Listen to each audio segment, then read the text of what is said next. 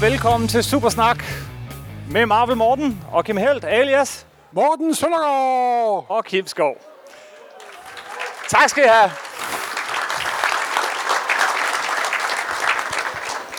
Det her er podcastet, hvor to tidligere tegneserieredaktører taler sig tosset om superhelte i film, tv-serier, bøger og populærkultur, men med en helt særlig kærlighed til tegneserierne, mediet hvor alt godt opstår. Jubi! Og i dag skal det handle om Børn, i, børn samt superhelte. Yes, det skal det nemlig. Og med børn som superhelte, så mener vi øh, en hel masse ting, vi ikke mener. Vi mener ikke, Det er ikke ham der Robin, det er ikke de der sidekicks. nej. Og dem er der ellers mange af. Hvor mange Robiner er der i det hele taget, Morten? Ja, der er 13 Robiner i virkeligheden, måske 14, men vi tager de 5-6 mest almindelige. Ja. Og det startede jo Detective Comics 3, nummer 38, hvor de fik den der sindssyge idé. Ah, børn er sikkert meget mere interesseret i en lille farvestrålende knægt på en 12-13 år, end ham den onde Batman. Så vi opfandt fandt på Robin. Han dukkede, som, dukkede op der, Robin the Boy Wonder. The Boy Wonder. Men jeg må indrømme, da jeg læste Batman, hvem fanden gider være Robin, når du kan være Ba- Batman? Men, men sådan er det. Og han blev rimelig... Det blev så et fasttømret par. Fra og med, det var lige i måneden efter, der udkom Batman nummer 1. Første Joker, og så var de jo i et partnerskab i mange, mange år. Men før eller senere, så vokser man jo. Så tager man på universitetet. Så Robin bliver man, flyttede hjemmefra. Så blev man til Nightwing, som man jo gør. ja, det gjorde man. Og Batman lukkede natgrotten Ja. eller Batgrotten rettere sagt. Men så skulle han jo have en ny Batman. Nu, En, en ny Robin mere, ja. en ny Robin. Vi er stadig i gang med det, vi ikke skal snakke om. Det, det, det er du med er på. jo Jason Todd. Ja, Og han var jo noget af en skidt kæl. det var Og han han. kom jo også skidt af dage. Slået ihjel af, af Jokeren. Ja, men så vendte han tilbage. Der skete et skift i den kosmiske aksel. Ja. Men så kom der også Tim, øh, Tim, øh, med Tim Drake. Yes. Vi kan se det, at han er i gang med glæde, at Robin. hugge øh, b- julekapslerne på Batbilen. Det var deres første møde. Og han blev sådan en okay Robin. Ah, Altså, det var ikke Tim Drake, der var ved at hugge øh, Ja, julekapslerne det på var, bilen. det var øh, Jason Todd jo. Ja, tak. Det har jo da ret i. Det er mig, der blander ting Morten, sammen. vi skal over til emnet, ikke? Vi skal ja. Ja. ikke snakke lige om sige- Robin. Lige sige, der er også den kvindelige Robin. Der er to Åh, oh, ja. ja. kvindelige Robin. Der er jo en Stephanie Brown, The Spoiler. Og så er jo en af de bedste Robiner af alle. Kelly. Kelly simpelthen. Og hun er jo for Dark Knight Returns. Yes. Og den seneste Robin er jo faktisk en af de rigtig værste. Du kan, for han er jo søn af Batman. Damian Wayne. Og du kan se, de har, ikke, de har et lidt uafklaret forhold. Ja. Men der er jo en ting med Robin. Hvorfor en mand, som alle folk skyder på, hvorfor hyrer han en knæk på 12-13 år i farvestrålende tøj? Så de har noget at skyde på, simpelthen. Ja da. Og de dør jo også som fluer, de der Robiner der. Men Morten, det her, det, øh, Robin er for gammel til Ja, det han her er alt oplæg. for gammel. Damien måske. Robin er for gammel. Ja. Det skal heller ikke handle om alle de der teenager. Teen Titans, Legion of Superheroes, New Mutants osv. osv. Ingen engang Invincible, som vi ellers holder rigtig meget af.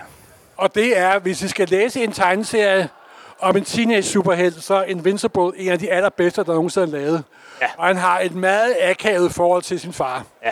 Det må Men vi de er alle sammen dømt ude i det, vi skal lave i dag, som er en liste over de bedste børn som superhelte. Så det er ja. Ja. ikke Robin, det er ikke sidekicks, det er ikke teenager, det er ikke teenagegrupper. Og det er heller ikke Superhelte som babyer, nej. Fordi det sker jo tit og ofte, at Superman bliver udsat for de mest mystiske ting. Og en af de mere seriøse, ba- øh, en af de mere seriøse Batman-historier, kan vi se deroppe, hvor han bliver forvandlet til en lille baby i korte bukser. Ja. Men han er stadigvæk Batman. Og, vi, Simpelthen. og hvis man er fan af X-Men, det er jeg, så øh, dengang Chris Claremont han skrev det, så havde han sådan noget, han begyndte på igen og igen og igen, og det var at forvandle X-Men til babyer, og så lave sådan nogle X-baby-historier.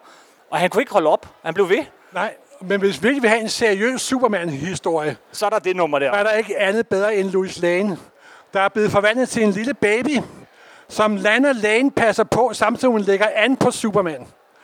Det er der socialrealisme, som man kan, have, øh, kan tage og føle på, simpelthen. Det er ret vidunderligt. Og så fandt jo forlagen jo ud af, at der var jo faktisk lidt penge i at lave superhelte om til børn eller til babyer. Ja, det var der. Det her er nok de tre mest populære børn som superhelte lige nu.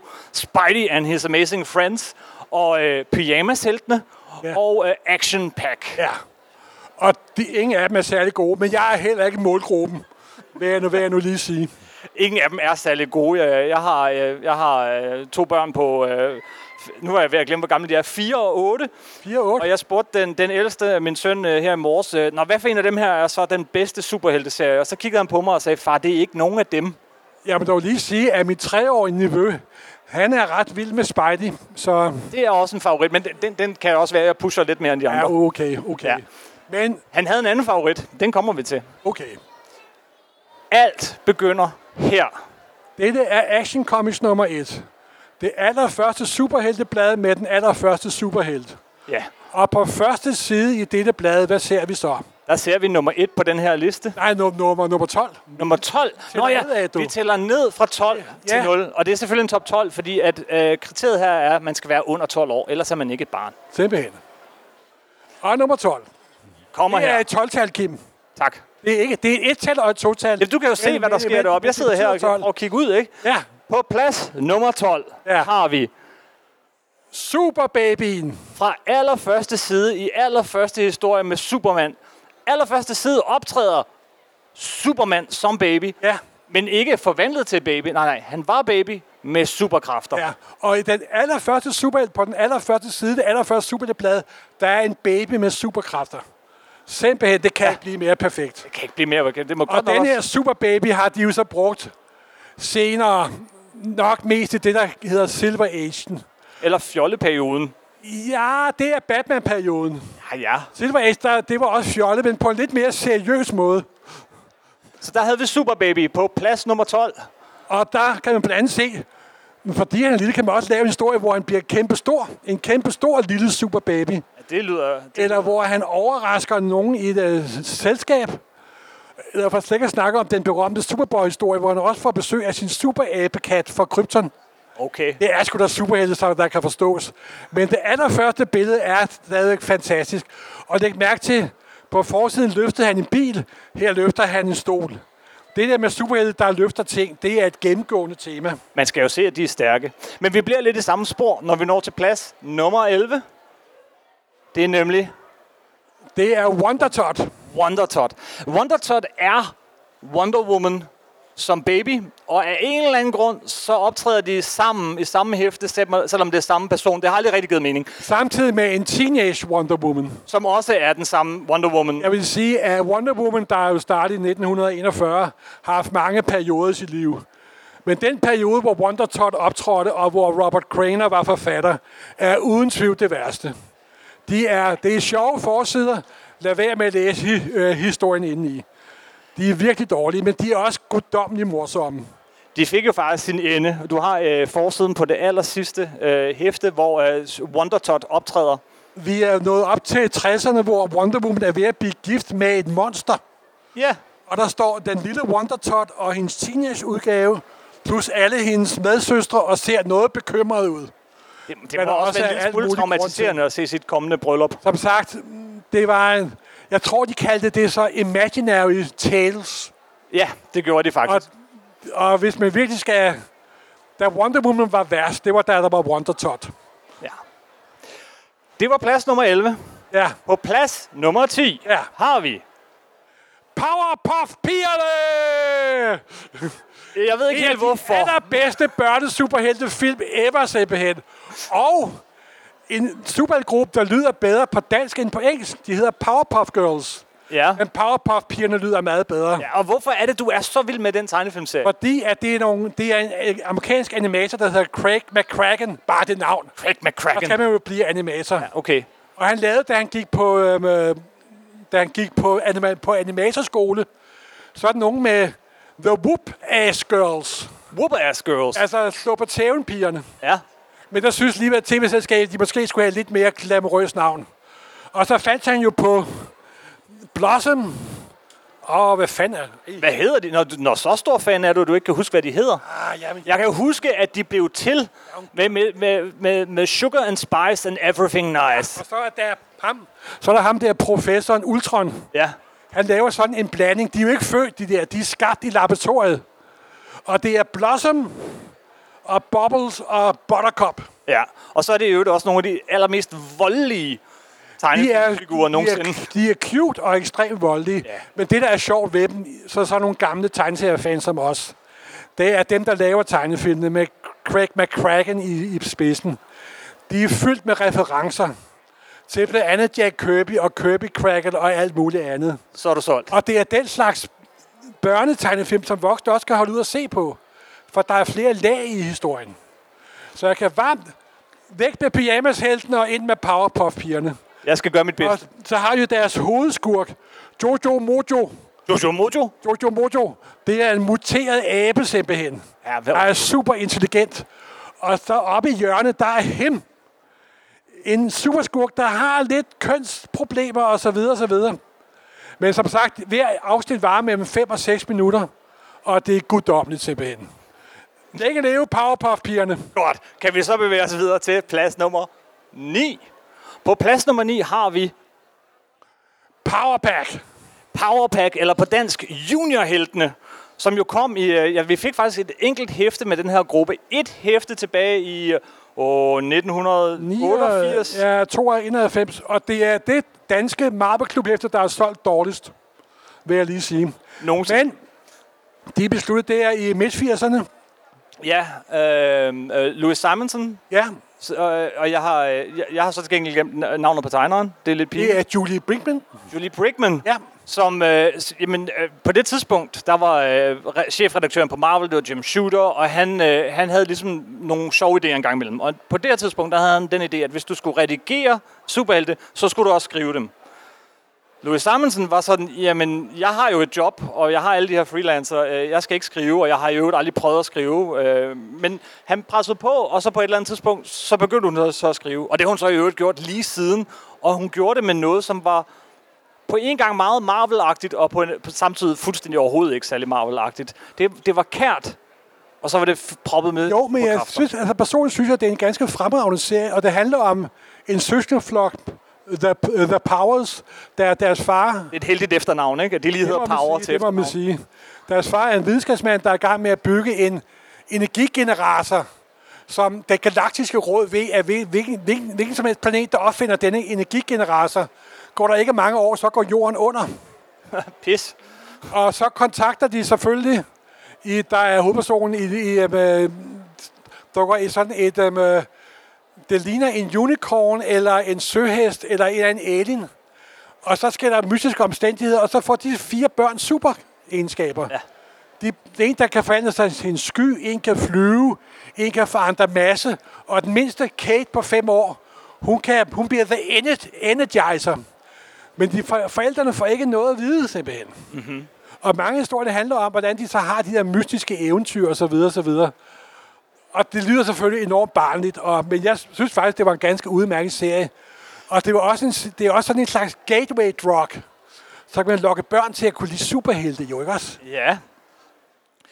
Og brugte Marvel og, brugte dem og, jo og, også og så blev på de jo andre også måder. inkorporeret i Marvel-universet. Ja. De mødte Hulk, kunne man se. De mødte Fantastiske Fire. Og så blev de også brugt til sådan nogle kampagner, hvor Spider-Man og Powerpack i det hæfte, der handlede om børnemishandling. Det er Og det var rimelig også hæftigt. alvorlige emner. Og hele serien var også præget af et vis alvor simpelthen. Mm-hmm. Så det er en ganske fremragende serie, som desværre ikke solgt på, på dansk. En af de bedste Katie-historier. Den Ja. yngste fra Powerpack. Det er- Det er Barry Winter Smith. Det er X-Men Tegnet. nummer 205. Nemlig. Og hvorfor er den så skøn, den historie, Ja, ja, den er, Morten? Udover. fordi det er Barry Windsor Smith, der har tegnet den. Ja, så der, Hvis Lamont har skrevet den, og han kan for ganske skyld prøve at holde sin kæft. Der er ikke nær så meget tekst, som der plejer. Og det handler med, at hun øhm, øh, farer lidt vild i en snestorm i Central Park og møder en sindssyg Wolverine. ja, gået berserk, og der er et eller andet helt Og det er en galt. fantastisk historie. Og så har han jo også sådan en lille personlig lille historie for mig. For det ender jo med, at alt bliver godt, og de går bort i sneen, efter at s- snestormen er stoppet. Og det var den sidste historie, jeg nogensinde oversatte. Så det panel er det sidste superheltepanel, jeg nogensinde har, har oversat. Klokken halv syv om morgenen, en halv time før det skulle afleveres. Puha! Yes, du sluttede, som du begyndte. På plads nummer 8. Der har vi Personlig favorit. Jack Jack Ja. og han er jo en af de fedeste baby-superhelte af alle. Han har 18 forskellige superkræfter. Har du talt efter? Nej, men det har en stakkels mand på internettet. Nå, okay. Simpelthen. Og det er jo fordi, at han er jo en del af den her fantastiske film, der hedder The Incredibles. Yes. The, The og det, Incredibles. det er verdens bedste animerede film. Det er verdens bedste fantastiske firefilm. Det er verdens bedste Pixar-film. Og det er verdens bedste James Bond-film. På en og samme tid. Yes. Det er Brian, det er Brian Bird, der, der er instruktør på den, der er en hovedanimator. Og han, den er fra 2005, så vidt jeg husker. Før at Disney købte Marvel. Ja, så derfor blev de nødt til at planke. Nej, men i alt Låne. ekstra materiale på den her film, så ser Brian Bird, nej, nej, det har slet ikke noget at gøre med Fantastisk Forår overhovedet. Nej, der er Der fedt. er en familie, hvor der er en, der kan strække sig. Der er en, der bliver usynlig. Der er en, der kan løbe hurtigt, så der kommer ild. Og der er en, der er meget stærk, men også intelligent. Og så har de den baby, Ja. som de selvfølgelig får. Det er sådan en verden, hvor superhelte er blevet forbudt. Og så skal de alligevel kæmpe. Og Jack Jack, mens de andre fire medlemmer af familien er borte og bekæmpe superskurke, så bliver Jack Jack passet af den arme babysitter deroppe. Ja. Og det er den lille film, der er med i hovedfilmen, der hedder Jack Attack. Og den er fuldkommen vidunderlig. Og det er en fuldkommen vidunderlig film, og det er, det er en fantastisk animeret film. Hvis man ikke har set den, skal man se den. Det er en af de allerbedste superheltefilm ever, simpelthen. Og med Mark Hamill som superskurken. Ja, og i film nummer to, en, en, en Incredibles nummer to, der ikke var nær så god, men der er også en lille kortfilm, hvor Egna, supertøjdesigneren, skal passe Jack Jack. Og hun har fået lagt stemme af Brian Bird, der har lavet filmen. Brad Bird. Brad, Brad Bird hedder han. Yes. Så det er en ganske fantastisk film, og så videre, så videre. Og øh, Jack Jack kan lave flammer, og han kan spise kage, han kan blive usynlig, han kan blive til stål, og han kan teleportere, han kan blive til en dæmon. Fantastisk superhelt. Der er noget ved det der, ikke? På plads nummer syv allerede Ja. er vi nået til Hey, Astro Astro Boy, Boy. som han hedder på amerikansk. Ja. På japansk hedder han, og der bliver jeg så nødt til at bruge min noto. Min noto. Der hedder en Mighty Tetsu, Atom. Tetsu var en Atomoto, Okay. og det betyder Invincible Iron Armed Atom. Iron Armed Atom Ja, ja, af eller Osamu Mighty Te- Atom. Tezuka. Og det er, jo en, det er jo virkelig en klassiker, vi har at- at gøre med her. Og, og, og, og hvorfor er det, at den er...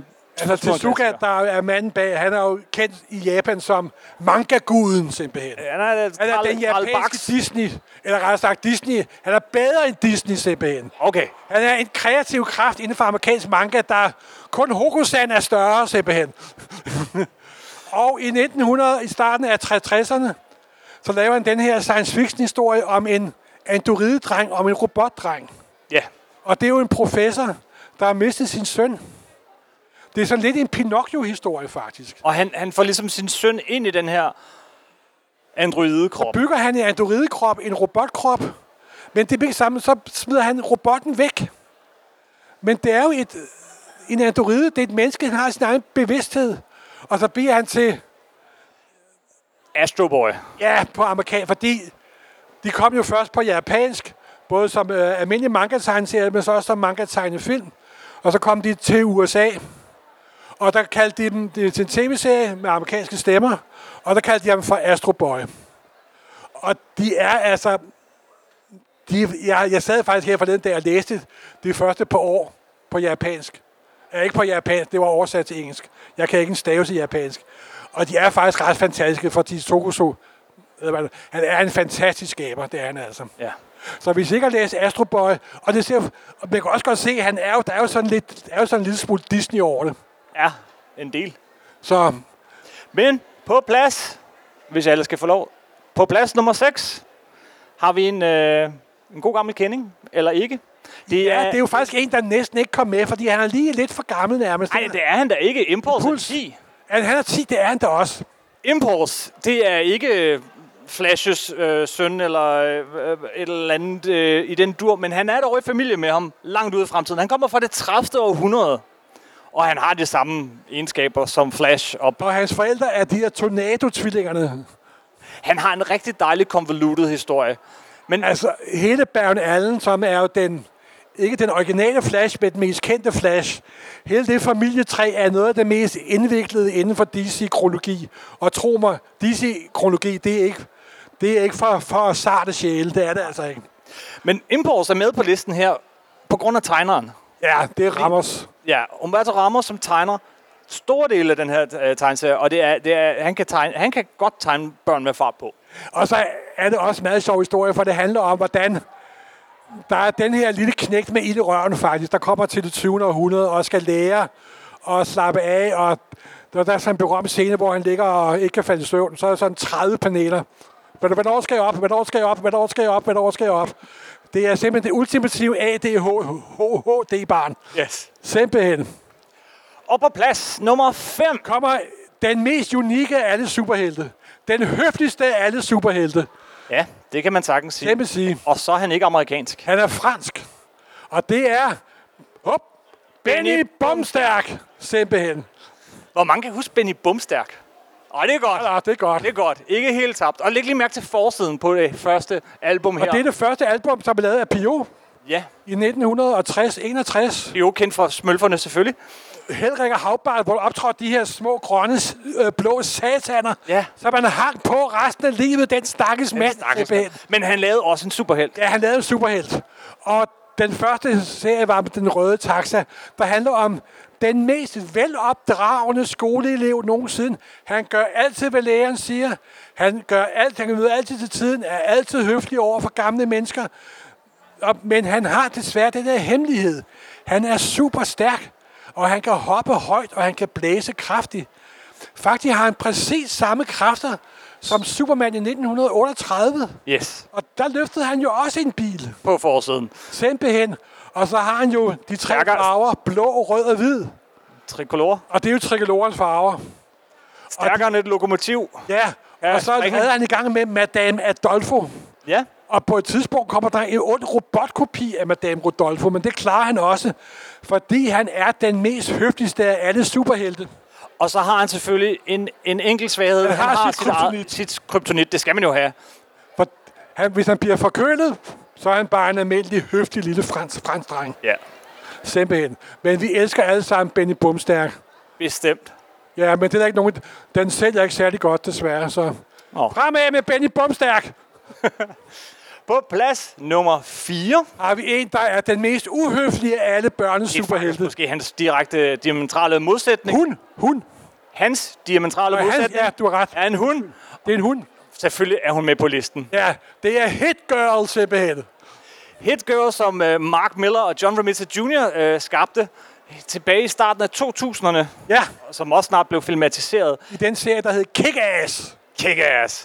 Ja, det er en pæn voldelig øh, tegneserie. Den, den starter som et take på den realistiske superhelt, som så får flere og flere og flere tæsk, og, og er en ret kikset superhelt, indtil han så møder Hit Girl, som kan sit shit. Det må man sige. Og hun har et par samurajsvær, og hun går ikke af vejen for en blå blodig kamp. Nej, så man, altså øh, yndlingsscenen i den første er selvfølgelig der, øh, der, der Det er hun træder filmen, vi ind. snakker om, ikke? Øh, Filmen er, da hun træder ind, og Joan Jett begynder at spille uh, I Don't Care About My... Hvad hedder den? Bad Reputation. Ja. Og hun gør mok, det er skønt. Og så har danske Pernille Hørum selvfølgelig også øh, tegnet Hit Girl sammen ja. med... Og er skrevet af Kevin Smith. Yes. og de er faktisk ganske udmærket. Og som sagt, film nummer et er virkelig god, film nummer to er virkelig dårlig. Så I skal bare holde jer væk fra film nummer to. Det skal man som regel med, med nummer to film. Undtagen hvis det er Godfather Empire Strikes Back. Og Terminator.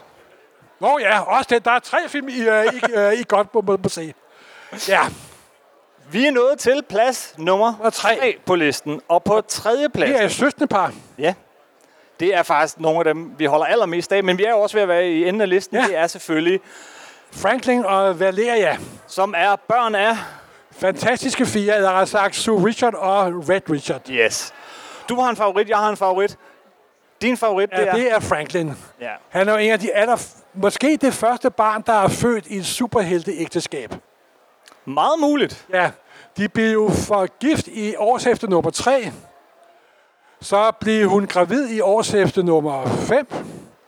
Og så blev hun lidt mere gravid i... Og så kom fødslen i årshæfte nummer 6. Det må være verdens længste graviditet. Det yes. må man sige, det var mere i 9 måneder i hvert fald. Og der var selvfølgelig store komplikationer om, omkring fødslen.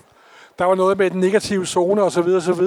Men det endte med, at det lille berømte fødselsbillede der, hvor Benjamin Grimm første gang får lov til at se babyen, og får at vide, at de har opkaldt eh, ham efter ham. Ja, Så han kniver en tårer. det ved jeg ikke, om det næste gudfar... Jo, men navngiver er det lige gjorde. sin ting. Benjamin Franklin vokser, og børn vokser meget langsomt inden for superheltesjaren. Ja, På et tidspunkt blev han lidt mere voksen, og så besluttede Marvel, at han skulle være Marvel-universets svar på stoffer. Så det blev, de lavede faktisk en lang række sådan ret sjove sten- og stoffer og på den, sl- den slags stoffer. Ja, okay. den slags stoffer. Det er ikke hårde stoffer. det Nå, er men jeg sten- og tænkte, ja, han stoffer. har de der kræfter, og så lavede han det der, det der pocket universe og sådan noget. Jeg Jamen, tænkte, jamen, hvor er han, det vel hen? der er jo det, han har. Han er jo, det er også derfor, at Jack Jack fra Invincible minder meget om Franklin. Fordi Franklins kræfter skifter hver gang forfatteren skal have en ny idé. Men han er muligvis den mægtigste mutant i hele Ja, han, han, har- han har Marvel-universet. skabt multiuniverser simpelthen. Yes. Men så har, de jo, har han jo en søster, der Ja, har en meget, meget, meget kompliceret skabelseshistorie, vi skal komme nærmere ind. jeg vil slet ikke prøve at forklare den, men Valeria, hendes, øh, hun er selvfølgelig opkaldt efter øh, den Øh, bedstefar? bedstefar. Bedstefar er det jo også. Ja, hun synes, han er hans bedstefar. Okay. Fordi Dr. da Doom. Valeria blev født, der var Red Richard forsvundet i en fremmed dimension. Ja, Og der var selvfølgelig noget galt med fødslen igen, når Sue Richard skal føde. Det er de her kosmiske stråler og fødsler, det går ikke så godt. Men så var Dr. Doom fødselshjælper, ja. og så fik han lov til at opkalde hende efter. Hans eneste bete- øh, betingelse, at, at han måtte navngive hende, ja. Og det er opkaldt efter hans mor, Nemlig. der er for øvrigt fanget i et evigt, i et evigt helvede. Så man kunne have befriet hende fra, men så... Men han er jo Dr. Doom, og han vil hellere have almægtig magt. Yes. Men der kan vi se parret sammen. Valeria sammen med, sammen med bedstefar. Hun er en virkelig skøn figur, og så er der jo det ved hende, øh, hun er, hun er faktisk nok den klogeste i hele Marvel-universet. Hun holder Mest meget af sin intelligente. far, Red Richard. Vil helst- Derfor hun ikke har fortalt ham, at hun er meget mere intelligent end ham. Fordi hun er en rigtig sød datter. Yes. Simpelthen. På plads nummer to Nummer to. har vi min søns favorit. Ah, det er godt. Og også min favorit, da jeg var 9, 10, 11 år. Og en af de bedste superhelte i hele verden. Det er selvfølgelig Absolut. Pippi Langstrømpe! Jamen, Ah, det er jo den perfekte øh, Altså, børnefantasi, og, og Øh, Astrid Lindgren, som alle ved, skrev Pippi Langstrømpe. Hun øh, var ansat på et forlag øh, i Sverige under 2. verdenskrig. Og samtidig var hun havde hun også nogle idéer med at skrive nogle børnebøger. yes. Og hun var også samtidig øh, uddannet sekretær og kunne stenografi. Så, og men samtidig var- havde hun også fuldtidsarbejde, plus hun havde børn og mand derhjemme, så dobbeltarbejde, som det hedder. Og, men alligevel fik hun i løbet af 40'erne skrevet, i løbet af øh, 2. verdenskrig, øh, 42-43, fortalt til sine børn og skrevet den her historie om Pippi Langstrømpe. Øh, myten er, at det var en af hendes børn, der fandt på titlen med Pippi Langstrømpe. Og det sjove er, at mens hun skrev historien om den her verdens stærkeste pige, det der er, man ser, det er faktisk en side fra originalmanuskriptet. Det er skrevet i stenografi, og der er en lille skitse af Superman. Som, øh, som Astrid Lindgren har lavet. Fordi at både i Danmark og i Sverige var Superman begyndt at køre i, am- i bladene i 40'erne og 41 42. Herhjemme hed det Superman med D, men i Sverige er de jo lidt mere fantasifulde. Titanen fra Krypton. Det er der fuldstændig vidunderligt. Der gik nogle år, så gik han over til at blive Stålmanden. Ja. Men jeg foretrækker Titanen fra Krypton. Men Men altså inspireret og det af... lille billede, man kan se der, det er faktisk også fra allerførste side, Action Comics nummer 1, som vi også så med ham, babyen, der løfter Ja. zonen der. Så, og hun har også sagt i interviewer, at der er meget, der er lidt DNA af Superman i Pippi Langstrømpe. Og det er også nogle børnebøger, der ikke var nedladende, de var ikke fordømmende. De var pisse sjove. En pige, der bor alene, der har masser af penge. Kassen fuld med penge er også rar at have, som de sagde i den svenske tv-udgave. Og de er ganske, jeg husker, da jeg var 8-10 år, jeg elskede de bøger simpelthen. Ikke? Ja. Og hun gør ikke, hvad de voksne siger simpelthen. Hun Hun kan gøre, hvad hun vil, og der er ingen, der kan Simpelthen. øh, få hende til at gøre noget, hun ikke Og så kan hun jo også løfte, som alle superhelte skal gøre. vil. Ja. Og de der meget berømte tegninger, der kom i tre Pippi Langstrømpe-bøger. Fem- 45, 46 og 47, eller også er det 48. Pippi Langstrømpe, Pippi Langstrømpe går ombord, og Pippi Langstrømpe i Sydhavet. Og her for en måned siden gen, genlæste jeg faktisk alle tre, faktisk. Okay. Det er hurtigt overstået, men de er stadigvæk guddommelige, synes yes. jeg. Yes. Men der er jo også øh, tegneren. Ja, og der er jo en dansk vinkel på, for de meget berømte te- tegninger Ja. er tegnet af Ingrid Nyman. En dansk tegner, som der arbejdede i Sverige på det tidspunkt, og også var med til at illustrere nogle af hendes andre bøger, alle vi børn i, i, i Sabutterby. Desværre havde hun et lidt kompliceret liv og begik selvmord i 1959. Men hun har sat sig evigt fingeraftryk på alt god børnelitteratur. Det vil jeg sige. Det må man sige. Øh, på plads nummer et. Ja. Vi er i god tid her. Det kan være, der bliver tid til spørgsmål. Men på plads nummer et. Har vi den store røde ost? Du kom lige Simpelthen. forkøbet. Selvfølgelig er det her plads nummer et. Kom her, det her er den ultimative barn som superhelt. Altså det er barnefantasi. Simpelthen. Eller også voksenfantasi. Yes. Og hvis der er nogen, skulle være nogen, der ikke ved, hvad vi snakker om, når vi siger den store røde ost, jamen så er det selvfølgelig Billy Batson. Den her lille Ej. dreng. Han var en avissælger. Ja. En ja. lille fattig avissælger. En hjemløs lille fattig avissælger. Han overnattede nede i undergrundsbanen. Lidt op, hvor der er varmt, og han kunne sidde og krybe sammen. Ja. Det kan pakke sig ind af de usolgte aviser, går jeg ud fra. Vi er tilbage i 1941 her. Ah, 40. 40. 40. Og Så så en dag så møder han en lidt skummel udseende herre, Ja. ja. der tager ham endnu dybere ned i undergrundsbanen, hvor der pludselig er mærkelige statuer og et langt, mærkeligt farvet tog. Op. Hop, hop, der, der. Der har vi det lange, magisk, f- eller farvede tog, som han kommer Og så går han ombord i det tog hen. Ja, og kommer til en endestation, hvor han møder en gammel troldmand, der siger, han skal sige et specielt ord. et specielt ord, og vi ja. ved alle sammen, hvad det er. Det er selvfølgelig Shazam. Men hvad betyder det ord? Åh, oh, ikke igen. Jo, kom Okay. okay. nu. Shazam er Shazam. selvfølgelig, og det er superheltekraften så. Det er Salomos visdom. Visdom. Manden bag visdommens bog i Bibelen, k- øh, gammel konge fra det gamle testamente. Herkules styrke, Ja. den store titan. Uh, Atlas udholdenhed. I Er ved, det, han havde Achilleus, er det ikke først? Atlas udholdenhed, som havde kloden over. Åh oh, ja, så er Achilleus senere. Ja. Ja. Zeus, Det er kraft og Kraft. magt. Det er Ja. ja. lynkilen simpelthen. det er det nemlig. Og øh, Så er det, er- så er det Achilleus. Achilles, Det er Achilles, øh, øh, mod. det her Achilles mod, det var den usårlige øh, s- øh, stærke Og helt, så er det Merkur. Det er hastighed og hurtighed og kunne flyve. nemlig. Og sammen bliver det til Shasham. Og når man siger det, så kommer der en lynkilde fra oven. Boom! Der bliver man forvandlet til The World Mightiest Mortal. Captain Marvel! Åh, oh, det her, ja. Ja. det her er en god fantasi, og det er... Og vi et- drømmer jo det- alle om at kunne sige et magisk ord og blive til superhelt. Ja, men, men den, altså, han var så populær på et tidspunkt, at han overgik øh, Superman, han overgik alle superhelte. Det var den bedst sælgende, størst sælgende, det var den mest populære superhelte Og overhovedet. så var han tegnet af en af de bedste tegnere, især for Golden Age, der faktisk, de Golden Age, de historier, der kom i 40'erne og starten af 50'erne, en, der hed C.C. Beck. Ja. Og de kan faktisk, i modsætning til mange andre ting fra The Golden Age, de kan læses den dag i dag. Vi lavede et afsnit om, om ham over om Captain Marvel for et stykke tid siden. Ja. Øh, men, men, Og, og det er jo det sjov med, at han kom jo i det, der hed Wish Comics. Faktisk var det første nummer med Captain Marvel, var Wish Comics nummer 2. Fordi Wish Comics nummer 1 udkom aldrig. Det var en såkaldt Ashcan Edition, hvor de kaldte ham Captain Thunder, faktisk. nå, Og så skiftede de navn til Captain Marvel simpelthen. Og Marvel-familien. det var... Og det var jo før, at Marvel kunne lægge sag an mod Captain Marvel. Der var ikke noget Marvel. Og de her historier, de var, så, de var også sådan meget nævner naive historier, let fortalt historier, men de var også pisse morsomme. Og charmerende. Der var, der var også humor i dem simpelthen, ikke? Og han møder jo mange af... Han møder blandt andet sig selv, og man bliver aldrig helt klar over, om det er Billy Basson, der bliver til Captain Marvel, eller dukker Captain Marvel op, når Billy Basson siger Shazam.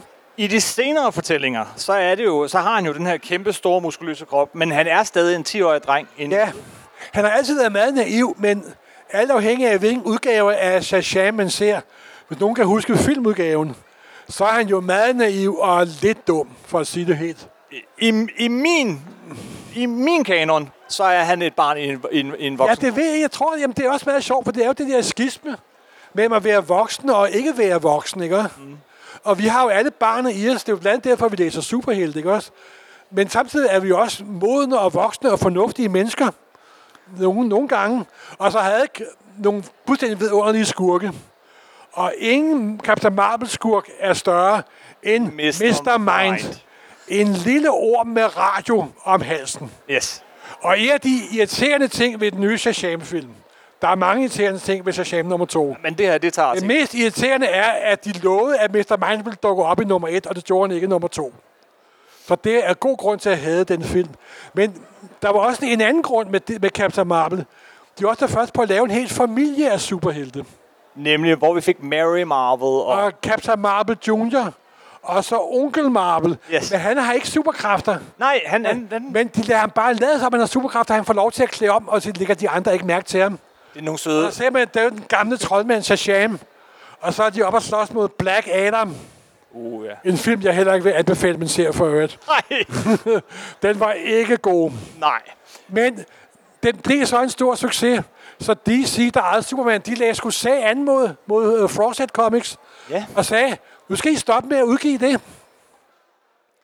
Og så lykkedes det faktisk dem på det tidspunkt i 63-64, hvor superheltesangeren også ved at klinge ud. Så Frosted, de smed håndklædet i ringet, så DC købte Captain Marvel. Ja, men på det tidspunkt Og så var der ikke nogen, der læste ham. men i starten af 70'erne genudgav de Captain Marvel, præsenteret af Superman. Mm. Og det er lidt underligt at blive udgivet af sin værste fjende. Jo. Og så, her kommer vores nye ven, Captain Marvel, som der kommer fuldstændig ud af det blå. Men det sjove er, at I kan se nede i hjørnet, der er det nummer, der kom i 70'erne. Det var skrevet af Danny O'Neill, men det var tegnet af samme tegner, C.C. Beck. Som også tegnede det i Det er ret tårne, ja. interessant. Ja. Men det mest sjove med Captain Marvel er, han har jo et familietræ, der er fuldstændig fantastisk. Fordi at der er Captain Marvel sammen med Billy Batson, og alle dem, der er omkring ham der, det er jo dem, der er afledt af Captain Marvel. Ja. Alle dem, der er her, og der er rigtig mange for dem. Der er de Ikke kan se det. Marvels udgave af Captain Marvel, der er den kvindelige Captain Marvel, Nej. der er den første Captain Marvel, der er den nuværende Captain Marvel, der er en Captain Marvel fra 60'erne, der kunne splitte sig ad, der er Marvel Bunny, der er også Thor, der kommer også et lyn, Yes. og han bliver skabt. Og Det er en tradition, der er Miracle Man af Alan Moore, der startede som øh, Marvel Man, så det er en kæmpe fortælling. Og det grundlæggende, det handler om det, vi elsker ved superhelte, ikke? Ja, men, men, men, men, men faktisk, de er alle sammen kopier af hans er en del af ham, men, men det, som er det virkelig gode ved Captain Marvel, det, som er grundessensen i ham, det er nemlig det, at han er et barn. Ja. Ja. Og det er der ingen andre, der er lykkes med at, at slippe afsted med.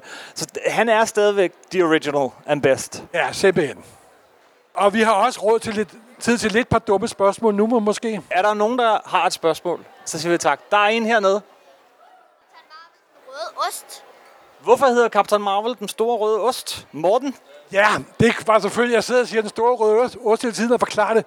Der er ikke rigtig nogen, der ved, hvor det øgenavn kommer fra, men det var forfatteren, der hed Otto Binder, der skrev de fleste Captain Marvel-historier. Han var stor, han, var rød, stor og han var rød, cheesy. Og så er han cheesy nemlig, ikke også? Han er sådan lidt, han er for meget simpelthen, ikke også? Så han blev til den store røde ost. Så det, og jeg synes, det er det mest vidunderlige køenøgenavn nogensinde. The Big Red Cheese simpelthen, ikke også? Det er herligt. Er der, Det, det er en meget god ost. Det er ikke nogen ond ost. Det er ikke nogen emmeltarter. Den, den dufter godt, simpelthen. okay, bare bliv ved. Bliv ved. er der nogen, der har et spørgsmål? Godt. Ja, Men hvis der ikke er det, jamen, så vil jeg bare sige tak for den gang. Tak fordi I er kommet. Hvor er det fedt at se så mange af jer. og tak fordi I kom. Og vi er tilbage i morgen i øvrigt sammen med Christian Mongård. Ja, i morgen er der samlerne, der møder Supersnak med Christian Mongård og os to, hvor vi sidder og sviner hinanden til i cirka øh, 45 minutter. Det lyder rigtigt. Tak for det.